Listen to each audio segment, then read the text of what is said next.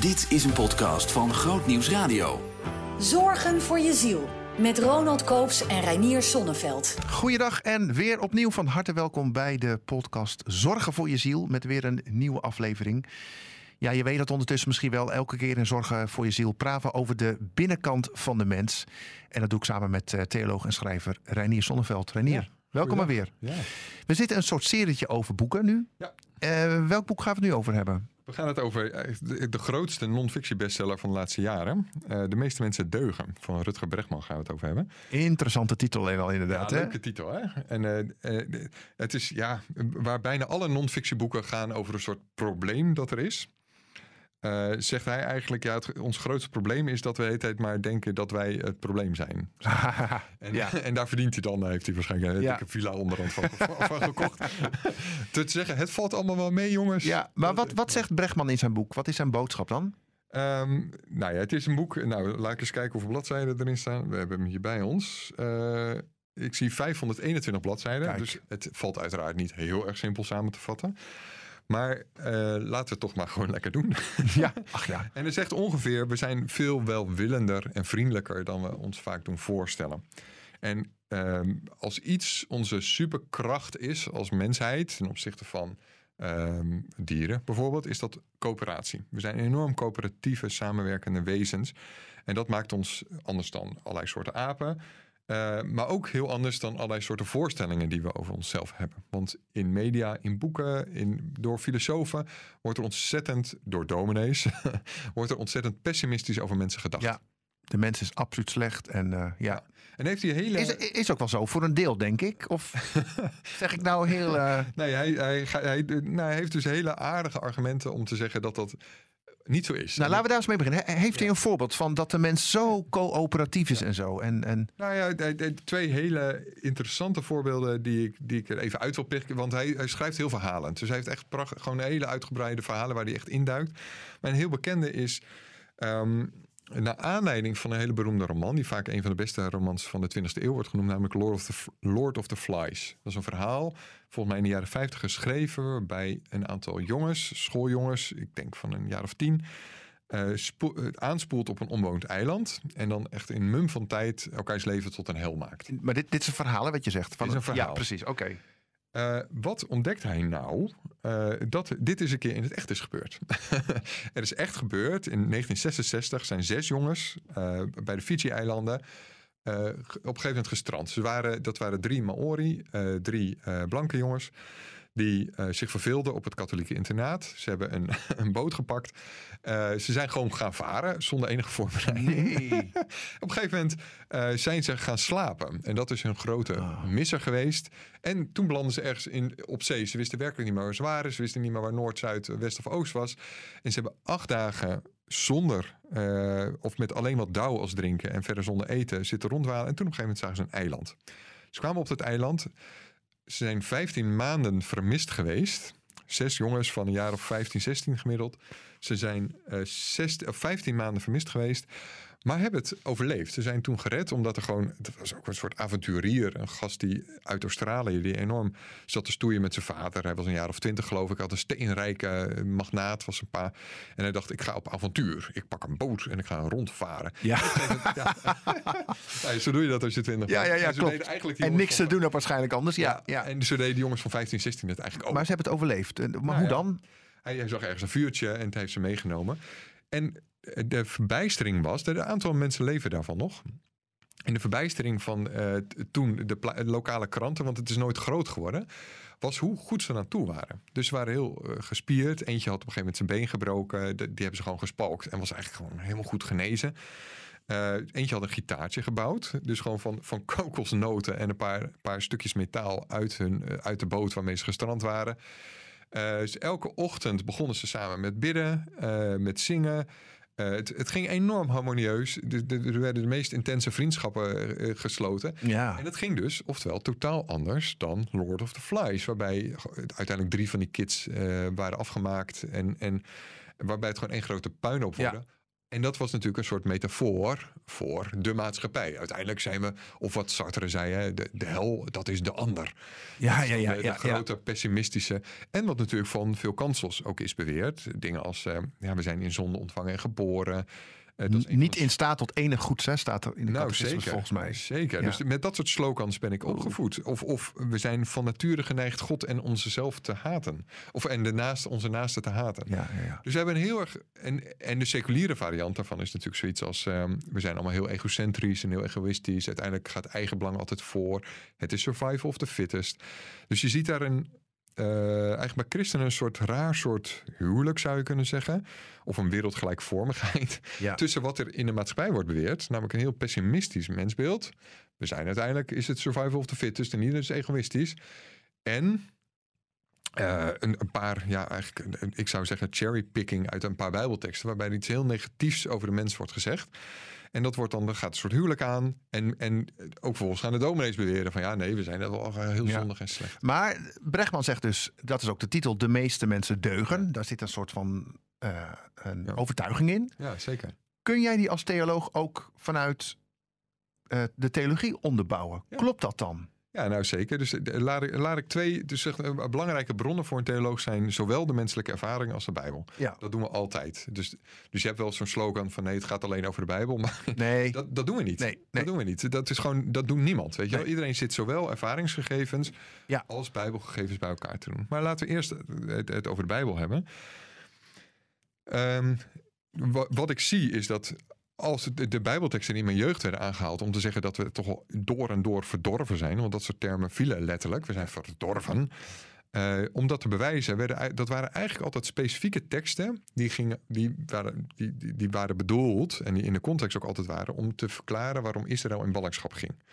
Dus om iets te zeggen waarom dat volk op een gegeven moment iets heel slechts had gedaan en de ballingschap was daar een soort straf. Consequentie, ja, Ja. precies. Er zijn een paar algemene teksten die ietsje breder zeggen dat mensen zondig zijn.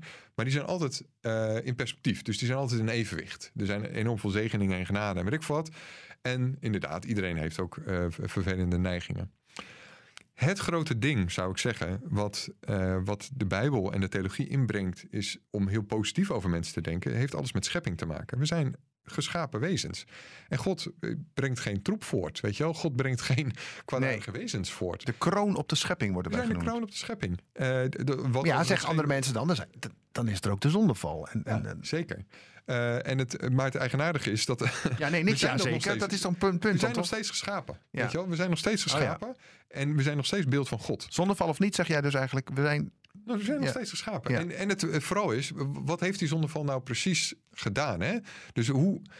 eh, nou, la- laat ik nog even iets, ietsje doorwerken over wat schepping nou betekent. Want we zijn beeld van God, staat er dan. Hè? Nee, laten we dat eens serieus nemen. Dat we beeld van God zijn. Dus, God, dus je kan het op twee manieren uitleggen. De ene is, de- is dan, dan is de, de, de vergelijking dat we een soort godenbeeld zijn. Dus er is een, de schepping is een soort tempel. En wij zijn het godenbeeld in die tempel. Dat is dan de, de metafoor. Nou, dat is nogal wat. Ja. Dat is nogal een compliment. Dus uiteindelijk draait de schepping om. Wij zijn degene die worden aanbeden in de schepping. Dat is dan het beeld. ja. Nou, dat is één van de klassieke uitleggen. De andere is dat we een koningsbeeld zijn. Want ook dat was een beeld in die tijd. Dus dan is het, die, die, die gasten die veroverden maar alles. En die konden natuurlijk niet overal zijn. Dus die lieten een beeld achter in hun rijk. Zo van, let op, ik ben er nog hoor. Let op, om een soort een territorium. Ja, exact. Ja, exact. Territorium eigenlijk. ja. Territorium. Gewoon een territorium afbakenen. En wat God dan zegt is van jullie zijn mijn territorium. Ik ben een ware koning. Maar jullie zijn mijn beeld en jullie bepalen waar ik ben. Dus waar, waar jullie zijn, ben ik. Dat is wat Oh, ja, is. In beide gevallen is het een enorm positieve eh, idee over wie mensen zijn. Ehm, en eh, dat mee, meegenomen met eh, dat alles wat negatief over mensen staat, ehm, best wel eh, specifiek is. Het is eigenlijk altijd specifiek. En gewoon een waarneming. Weet je wel, nou, laat, ik, laat ik een paar voorbeelden noemen over eh, waarin je gewoon ziet dat we zo'n kwaaie pieven niet zijn. Mijn vader is, is vorig jaar met, eh, met pensioen gegaan. En hij heeft, op een gegeven moment zat ik met hem te eten. Soms ga ik één op één met mijn vader uit eten. Dat vind ik leuk. En ik vroeg hem toen, eh, we zaten even uit te rekenen hoeveel leerlingen hij nou heeft gehad. Want hij werkt in het onderwijs. Hij werkt in het onderwijs, en een jaar of 45 wel. Dus een van, eh, eigenlijk een van de recordhouders, zeg maar. Eh, even tussendoor, middelbaar onderwijs? Of? Middelbaar, ja. Oké. En ik vroeg hem, hoeveel leerlingen heb je nou gehad? Even een beetje uit te rekenen. En we kwamen op een stuk of 10.000. Nee, Ja. En welk vak gaf? Ja, interessant. En, hoor. en natuurkunde. Oké. Dus hij heeft iets van 10.000 mensen geïnspireerd om van de natuur te houden. Of, en, en, en hoe de natuur in elkaar zit. En eh, toen vroeg ik op een gegeven moment, omdat ik met dit onderwerp bezig was en ook met dit boek, van hoeveel kwaadaardige leerlingen zaten daar nou tussen? Hoeveel, eh, gewoon, eh, dat je, je hebt er 10.000 gehad. Ja. Herinner je nog leerlingen die gewoon die evil waren, als het ware? Ja. Die, hij zei nee, er was er geen één. Het waren, Ah. Dus ja, er waren gewoon... er waren- Vervelende kinderen waarschijnlijk wel. En- zeker vervelende kinderen. En dan waren ze altijd getroubleerd. Dus dat was, weet je wel, er was geen enkel kind die vervelend was, die geen verhaal had. Ja. Dus er was geen enkel kind die als het ware uit het niets een soort psychopaat was. En dan helemaal. blah. Dus de psychopaten zijn, zitten in de films, zou ik maar zeggen. In de zin van de psychopaten die ook allemaal hele nare dingen doen. Eh, en dan nog hebben ze altijd een verhaal. Dus, dus ja, er waren, waren vervelende kinderen. En daar herinner je ook wel een paar van. Maar dan bleek altijd dat er een echtscheiding was. Of weet je wel, dat er eh alcoholmisbruik was in, in Ja, het gezin. Enzovoort, Altijd enzovoort. problematiek in ieder Een geval. verhaal. Ja. Dus het waren eerder onhandige kinderen en, en ge- gekwetste kinderen dan, dan kwaadaardige kinderen. Beschadigd, ja. Dus eerder, Ja. En, dat is, en dat kun je soft vinden, maar ik vind dat hij het mag zeggen. Weet je wel? Hij heeft er 10.000 gezien. Dat is nog wel een selectie. Ja, Weet je wel? ja, ja, die dat beste dominee die van de kansel dan van allerlei negatieve dingen over mensen roept. Ja, er zit ook iets heel ironisch in. Hè? Want op dat moment luisteren een paar honderd mensen luisteren heel braaf naar die beste man. Niemand, niemand geeft hem een tik op zijn kop. En dat gebeurt heel weinig dat een dominee een tik op zijn kop krijgt. Terwijl al die dominees maar, of al die dominees, de wat zwaardere types, maar beweren dat mensen zo slecht zijn. Geen enkele dominee krijgt ooit een klap voor zijn kop. Nee. Nou, dat, is, dat zegt al iets, weet je. Al die preken, miljoenen preken. Ja. Geen enkele dominee krijgt een klap voor zijn kop. Nou, dat vind ik nogal... Nou ja, en eh, een ander voorbeeld. Laat, Rustig aan, rustig aan. Renier. Wow. De emoties stijgen ook gewoon. Nou, ik, ik ben allemaal mijn jeugd aan het verwerken. Ja, ja. Maar, Maar ander voorbeeld, ja. Nou, voor, voor de vorige podcast hadden we het over de- zo'n zelfhulpboek van Pierre Collese. Die op een gegeven moment zegt, we, we denken 70.000 Oh ja, ja. gedachten op een dag. Ja. Nou heb ik een vraag terug aan jou. Je, je hebt vandaag, nou, we zijn eh, nu ergens halverwege de dag. Dus laten we zeggen dat je nu 20, 30.000 gedachten hebt gehad. Ja. Op dit moment. Mijn vraag is jou, het is een beetje een gekke vraag, maar hoeveel daarvan waren kwaadaardig? Ja, ik denk toch wel eh 29.900. Nee, ja, Nee. Kan je, ik, ik- ga niet vragen welke gedachten dan, maar Nee, vertel. Welke, echt kwaadaardig. Zeker. Ik ben er nog niet opgekomen vandaag. eigenlijk. Verdorven. Was er een Nee. verdorven gedachte? Nee, Gek hè? ja. En eh, ik, ik geloof je, want ik stel deze vraag vaker aan mensen. Ja. Gewoon om dit, zeker als mensen negatief over zichzelf denken. Van joh, vertel hoeveel, hoeveel verdorven kwaadaardige gedachten. En het antwoord is in de sfeer van één of twee, zeg maar. Ja. Dat is, dus je, het zou normaal Ja. zijn geweest als je zegt van nou eentje of zo. Dat zou gemiddeld zijn ja. geweest. Ik had net wel de neiging om de deur van de studio heel hard in je gezicht dicht te slaan. Telt dat dan mee of dat was de één? Ja, dat is heel verdorven. Dat is heel kwaadaardig. maar ik denk dat bijna iedereen, op het moment, iedereen die luistert, of eh, de meeste mensen zullen dat herkennen. Op het moment dat je vandaag tien kwaadaardige gedachten hebt gehad, dan denk ik al van nou, dan zit je behoorlijk in de put. Op het moment dat je er honderd hebt gehad, alsjeblieft ga therapie zoeken. Ja. Want dan is je, is je hoofd gewoon een soort hel geworden natuurlijk. Dan Ja, is het gewoon ja. heel naar in je hoofd. En het is niet nodig. Dus normale mensen, om het zo maar te zeggen, die je gewoon een beetje, die, die, die denken één of twee kwaadaardige dingen. En dat is een soort van normaal. Maar goed, ik zou me ook kunnen voorstellen dat de mensen zeggen van, zeggen, ja, ho eens even, denk aan Poetin, denk aan Hitler, denk aan al die mensen met al die oorlogen. In de tijd van de Romeinen gebeurde en nu. Wat is dat dan? Nou, maar eh, eh, laten we het, eh, precies, maar dat is in zekere zin hetzelfde. Want als je dus constateert dat 1 op de 70.000 gedachten kwaadaardig zijn, dan is ongeveer je constatering, ja, zo slecht zijn we dus niet. Nee. Dat, is, dat is, als 1 op de 70.000 kwaadaardig is, ja, dat is een serieuze kwestie. Ja. Het bestaat, zeg je Het dus bestaat. eigenlijk? Ja, zeker. wel eens een keer dat, eh, eh, zeg maar, ik geloof dat 1 op de 120.000 van de mensen iemand vermoordt in zijn leven. Dus eh, dat, gebeurt wel eens, zeg maar. Eh, eh, en dat, dat, dat, ja, dat begint bij zo'n heel kwaadaardige gedachtes. En dat zijn er waarschijnlijk 100 geworden of 1000 geworden. En dan, ja, dan vermoord je op een gegeven moment iemand. Dus dat gebeurt wel eens. Ja. Dus ja, het kan tot verschrikkelijke dingen leiden. Maar tegelijk, ja, 1 op de 120.000 mensen vermoordt wel eens iemand. Dat, Is niet een heel groot percentage of zo. Nee, en dat Nee. denk ik dus ook als je over Poetin of Hitler begint. Ja, dat zijn kwaadaardige mensen. Eh, of in elk geval, ook in hun geval overigens, zijn heel veel gedachten die ze hebben. En nog steeds de meeste gedachten, zeer waarschijnlijk, zijn helemaal niet zo kwaadaardig. Nee. En, en Hitler was nog steeds, ja, je hoeft niks te vergoeden van wat hij zegt. Maar hij was ook gewoon heel veel tijd van de dag bezig met, met, met zijn hond te knuffelen, zeg maar. Ja. Gewoon met. En dus dat, ja, hij, hij, ik bedoel, hij heeft heel veel kwaadaardige dingen gedaan. Hè? Dus daar, daar ga ik niks van, eh, niks van vergoeden. En tegelijk zijn het de uitzonderingen. Ja. En Ja. ik vind het niet eerlijk om zeg maar de uitzonderingen, dus de Poetin en de Hitler, te nemen als beeld voor iedereen. Van, Als een ja, soort algemeen beeld. Nee. Eigenlijk zijn we allemaal Hitler. Nee. Ja, dan, dan kan je hem ook omdraaien. Nee. Ja, eigenlijk zijn we allemaal moeder Nee, Teresa. ik denk wel dat we misschien eh, allemaal, dat heb je weer die gedachte, dat we allemaal een klein deel in onszelf hebben wat kwaadaardig kan zijn, wat negatief kan de zijn, potentie heeft. wat de Dus- potentie heeft. Want ik ben, ik, ben, ik ben geen Hitler. Dat ben ik gewoon niet. Nee. Zeg maar. En ook niet een klein beetje, ook niet een klein stukje Gewoon van mij. niet. is niet Hitler. Nee. Maar is ik het dan... denk wel dat er omstandigheden kunnen zijn. Trouwens, ik, ik kan ook geen Hitler worden. Dat is ook echt flauwekul om te beweren dat ik nog Hitler kan worden. Maar ik kan me best wel iemand voorstellen die, eh, die een ontzettende rotjeugd heeft en een aantal dingen heeft meegemaakt die Hitler heeft meegemaakt, die zich inderdaad ontpopt tot een Hitler. Dat ja, kan wel wat degelijk. je wel eens het nieuws hoort, hè? van die eenlingen die inderdaad een aanslag plegen zonder dat op te eisen, maar en dat gewoon... zou ook, ik kan me wel voorstellen dat in mijn leven, als, als ik bij wijze van spreken vanaf nu 20 jaar lang alles verkeerd gaat en ik maar genoeg onder druk word gezet, ja hoor, wel degelijk zal ik dan iemand vermoorden of iets heel naars doen. Ja. Alleen dan zeg je ook wel wat. En dat werkt net, die redenering werkt natuurlijk ook de andere kant op. Hè? Ja, kijk naar Job bijvoorbeeld, hè? nou ja, exact. Bijbel. Weet je dus eigenlijk het voorbeeld van iemand die, die geen Hitler wordt, terwijl die aardig wat dingen mee- Ja, meemaakt. zeker. Maar je kunt hem dus ook de andere kant op redeneren. Als je maar genoeg mensen stimuleert, worden ze allemaal moeder Teresa. Dus het is maar net... Ja, je, zo. Ik, ik vind het niet eerlijk om, om zeg maar de uitzondering als, als regel te gaan maken. Maar kun je dan zeggen, andersom geredeneerd, dat het onze natuur is dat we gewoon goed zijn? Nou of ja, niet? Kijk maar, kijk maar op straat, weet je wel? Hoe vaak ben jij vandaag op je bek geslagen? nee, Even kijken, toen ik naar de auto liep een keer, en toen, nee, Ja, nee En eigenlijk... beroofd. Hoe vaak ben je vandaag beroofd? Of nou, laten we het even ruim nemen. Afgelopen jaar. Hoe vaak ben je afgelopen jaar beroofd? Ik ben eigenlijk nog nooit in mijn leven beroofd. Nee. Hoe vaak ben je in je leven op je bek geslagen? Als volwassenen, laten we maar zeggen. Kinderen die slaan elkaar zo. Nee. Één keer. Maar dat is, weet je, en hoeveel ben je, ben je tegengekomen? Je bent tienduizenden, honderdduizenden Mensen mensen. tegenkomen. Ja. Maar ik zie sommigen wel zo naar me kijken hoor. Dan denk ik, nou, ik loop er even om. Ik heb dat Want met jouw hoofd ook altijd.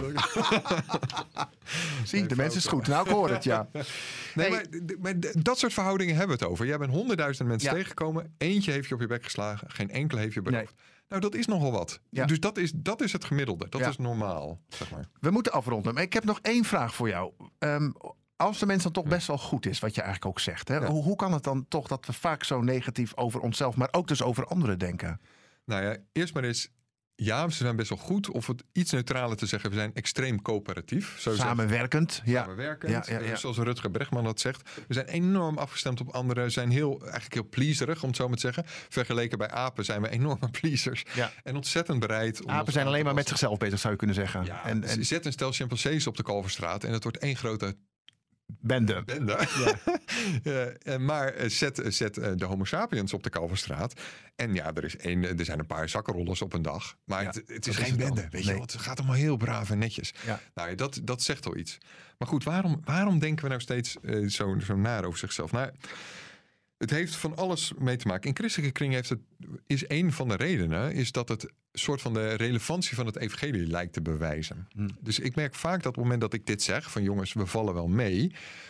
eigenlijk altijd komt dan de vraag van... ja, maar waarom is Jezus dan gestorven? En? Dus op een manier hebben we dan dus... Nou ja, dan zeg ik, joh, er is, Jezus hoeft niet alleen te, stor- te sterven voor hele slechte en verdorven mensen. Weet je wel, we hebben nog veel heel andere problemen dan onze eigen fouten, zeg maar.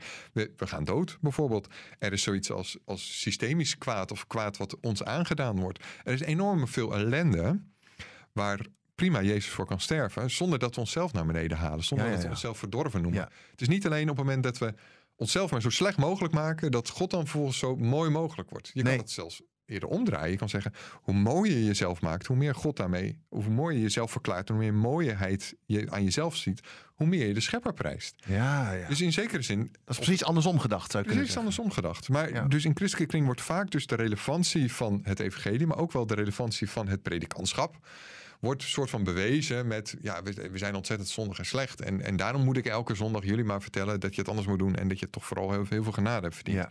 Daarmee is zo'n predikant denk ik vooral met zichzelf bezig. En er zit ook een manipulatief trucje aan. Dus wat in algemene zin de truc is om te- iemand te manipuleren... is iemand een heel groot probleem aanpraten en zeggen dat jij de oplossing hebt. Oh, ja. Dat is de globale truc. Dat doen garagehouders die zeggen van ja, ja het is niet Die komt niet door de APK hoor. Nee, exact. Weet je wel. Nou, die hele motor moet eruit. En, eh, ja, nou, maar nou, ik, ik heb nog wel een motortje liggen. Hè? Ja. En, Nou, je, je kunt zeggen, de mens is goed, behalve de garagehouders. Ja. en, en, maar de dominee kan, kan hetzelfde trucje. Van ja, onder, onder de motorkap bij jou is het allemaal verschrikkelijk. En je hebt echt een ernstige HPK nodig. En ik ga jou elke zondag vertellen hoe dat zit. Nou, daar zit een, manipulatieve truc in.